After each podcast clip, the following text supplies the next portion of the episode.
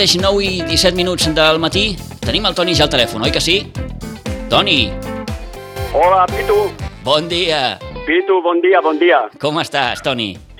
Doncs uh, molt bé, molt bé, estic bé, eh, resistint, no? Com es diu sempre, resistint la pandèmia eh, i de moment bé, de moment bastant bé eh, i amb moltes ganes, Pitu, de, de, de poder parlar cada setmana d'esports, de lo que eh, realment ens agrada a nosaltres, que és el món de, de, de l'esport, i doncs tindrem que aguantar fins que, fins que la, la pandèmia vulgui, va, vaja. Sí, sí, sí, perquè sembla que això va, va per llarg. Toni, volia comentar amb tu unes quantes notícies que ens deixa eh, l'actualitat esportiva. Per exemple, eh, em va cridar molt l'atenció amb aquesta notícia que ara explicava als nostres oients, eh, que apareixia ahir a Mundo Deportivo. Eh, el fet és que Manel Duran, en Manel Duran, podria ser cessat avui mateix de, de, del seu càrrec com a delegat federatiu de, del Garraf Penedès. Sí, realment és això, no? Eh, encara no se sap, de fet avui eh, lo han citat, eh, doncs a tenir la reunió amb ell, eh, es creu que és per tot això. Manuel Duran no està molt d'acord amb molts directius, amb tot el que realment doncs, portant davant per part de la Federació Catalana. Ell és un home doncs, eh, molt sincer, que diu les coses a la cara i moltes vegades no és gens positiu tot això, no? el poder dir el que un sent. No? Manel Duran és un, un directiu molt estimat pel futbol Garraf i Penedès.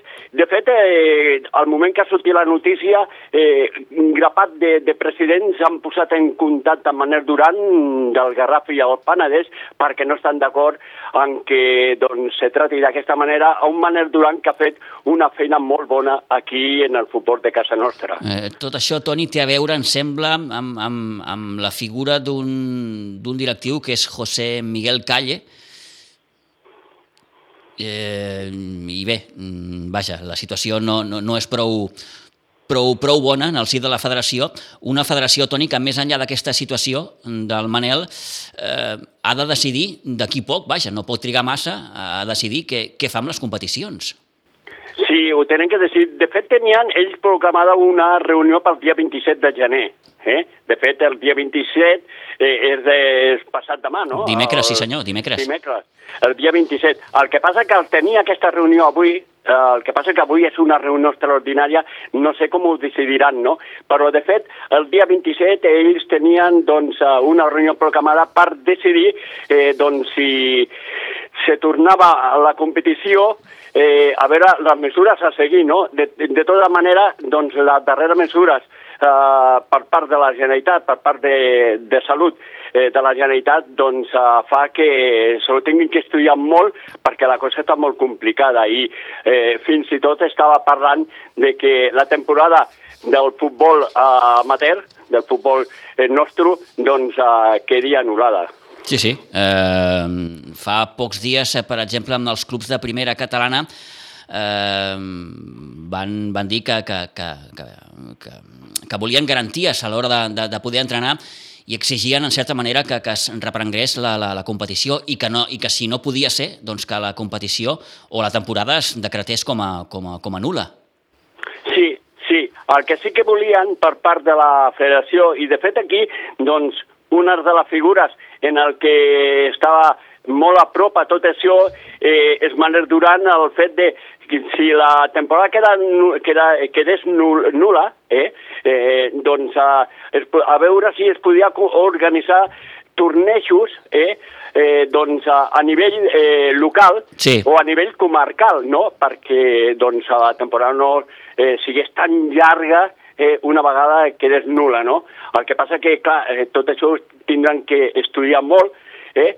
Eh, seguir entrenant sense competir és molt complicat i doncs no és fàcil. Uh -huh. No és fàcil, no és fàcil. Veurem què, què, què acaba passant aquesta setmana i si, li, i si la federació definitivament proposa alguna, alguna solució per a aquesta temporada.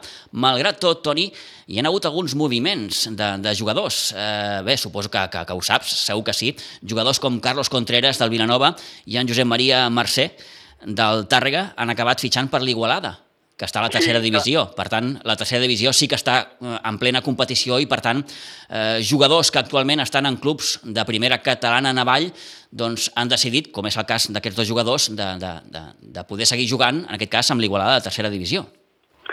I de fet un fet molt curiós, eh? perquè doncs, amb ell los uh, fitxava Santi Triguero, Clar. que aleshores era el segon entrenador de l'Igualada, perquè una setmana després, doncs, al fer fora tot el cos tècnic, Santi Triguero també anava al carrer de l'Igualada. Però, home, jo penso que són dos reforços que poden anar molt bé a l'Igualada, una Igualada que està amb l'aigua al coll i que ho té complicat, eh, però, home, tant Carlos Contreras com Josep Maria Mercè són homes de gol, home que marquen gols, eh, que l'han anat molt bé aquest salt a la tercera divisió, que tercera divisió és un futbol semiprofessional, eh, i doncs d'aquesta manera poden competir, no? I no tenen que estar entrenant sense competir. I crec que és una bona decisió per part dels dos jugadors. Són dos jugadors que le poden anar molt bé a l'Igualada i a veure si al final poden aconseguir l'objectiu de salvar la categoria. Uh -huh. eh, deixem per uns moments el futbol aparcat, Toni, eh, i parlem d'hoquei. Eh, et pregunto directament, tu creus que en Jofre acabarà salvant a Vilanova? Ho veig molt complicat. Ho veig molt complicat. I més amb el darrer eh, marcador d'ahir, no? Sí, sí, va que perdre 3-0 amb el Burguillos. Amb el Burguillo, que era un equip que, doncs, que em sembla que era el primer partit que guanyava. Eh? Sí, sí. Eh, I se lo guanyava el Vilanova, que realment són dos equips que estan eh, lluitant per, per la salvació. Ho veig molt complicat. De Jofre eh, és possible tot, no? Perquè eh, si té si, si, si té el suport per part dels jugadors, que això és molt important, eh, tots sabem que Jofre és un home que l'agrada que la gent treballi molt, eh, no sé si tothom està per, per la labor. Per això, mhm. eh? Eh, i, i ho tindrà per ell. Eh, jo crec que ell pot fer de tot i pot aconseguir-lo, però depèn del suport que li dongui també a la plantilla. I de moment ho té bastant complicat, amb lesions, amb jugadors que no estan d'acord amb ell, eh, i ho té, no, no ho té fàcil. Tot i que en Jofre tot és possible, no? però que la situació del Vilanova ara per ara és molt complicada. Sí, sí, és molt complicat. En Jofre, amb qui vam poder parlar fa, fa poquet, bé, ja va viure una situació més o menys similar, agafant el, el primer equip femení, aleshores va acabar guanyant la Copa de la Reina, però eh, l'objectiu, Toni, ara és més difícil, que és salvar el, el primer equip masculí.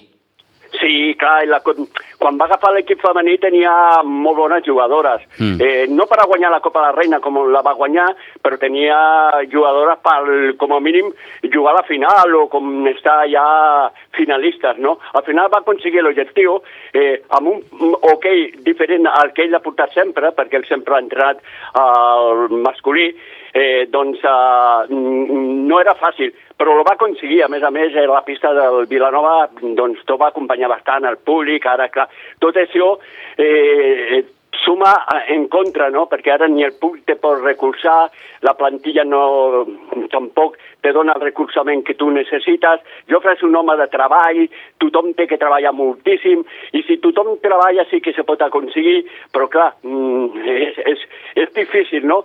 Tot i que, eh, torno a repetir, en Jofre tot és possible, però clar, a mi la derrota d'ahir amb el Bordillos doncs me deixa aquell mal regust de boca sí, i sí, sí. crec que, que ara se li complica molt. Mm, ahir mm, havia de ser una bona oportunitat per l'equip per sumar tres punts que li donguessin eh, una certa estabilitat, almenys eh, de cara al futur més, més imminent.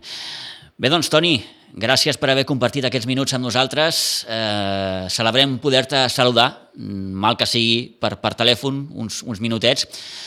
Esperem poder retrobar-nos ben aviat, tot i que, vaja, mm, sent allò pessimistes, si hem de ser pessimistes, eh, creiem que la temporada esportiva mm, té, té, té, té mala pinta, eh?